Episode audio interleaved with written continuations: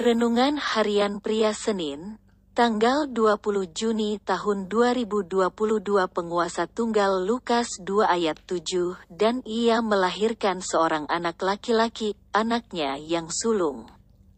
Lalu dibungkusnya dengan lampin dan dibaringkannya di dalam palungan, karena tidak ada tempat bagi mereka di rumah penginapan.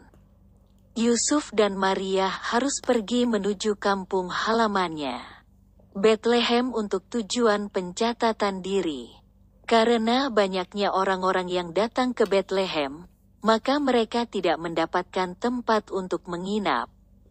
Dan tiba waktunya untuk Maria melahirkan dan bayi Yesus yang baru lahir itu ditaruh di dalam palungan, sebuah tempat makanan bagi binatang-binatang. Ada sebuah gambaran rohani yang terjadi di balik peristiwa itu yang menggambarkan hati manusia.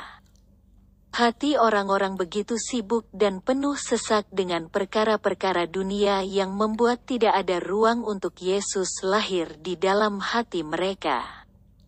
Gambaran rohani itu yang bukan hanya terjadi pada saat itu saja, tetapi juga pada saat sekarang ini juga.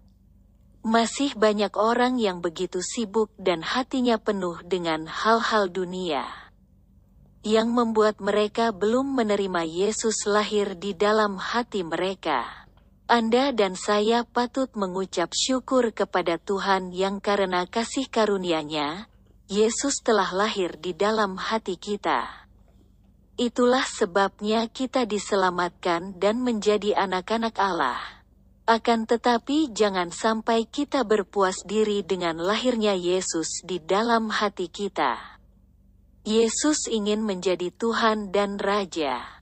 Penguasa tunggal dalam hati kita. Melalui roh kudusnya yang tinggal di dalam kehidupan kita, ia ingin membentuk kehidupan kita menjadi semakin serupa dengan Yesus. Marilah kita semakin bertumbuh dalam pengenalan akan Yesus setiap hari dan semakin serupa dengan Yesus. Tuhan mau melalui kehidupan kita. Namanya dimuliakan dan kita jadi berkat bagi orang-orang lain. Refleksi diri, apa yang firman Tuhan katakan kepada Anda?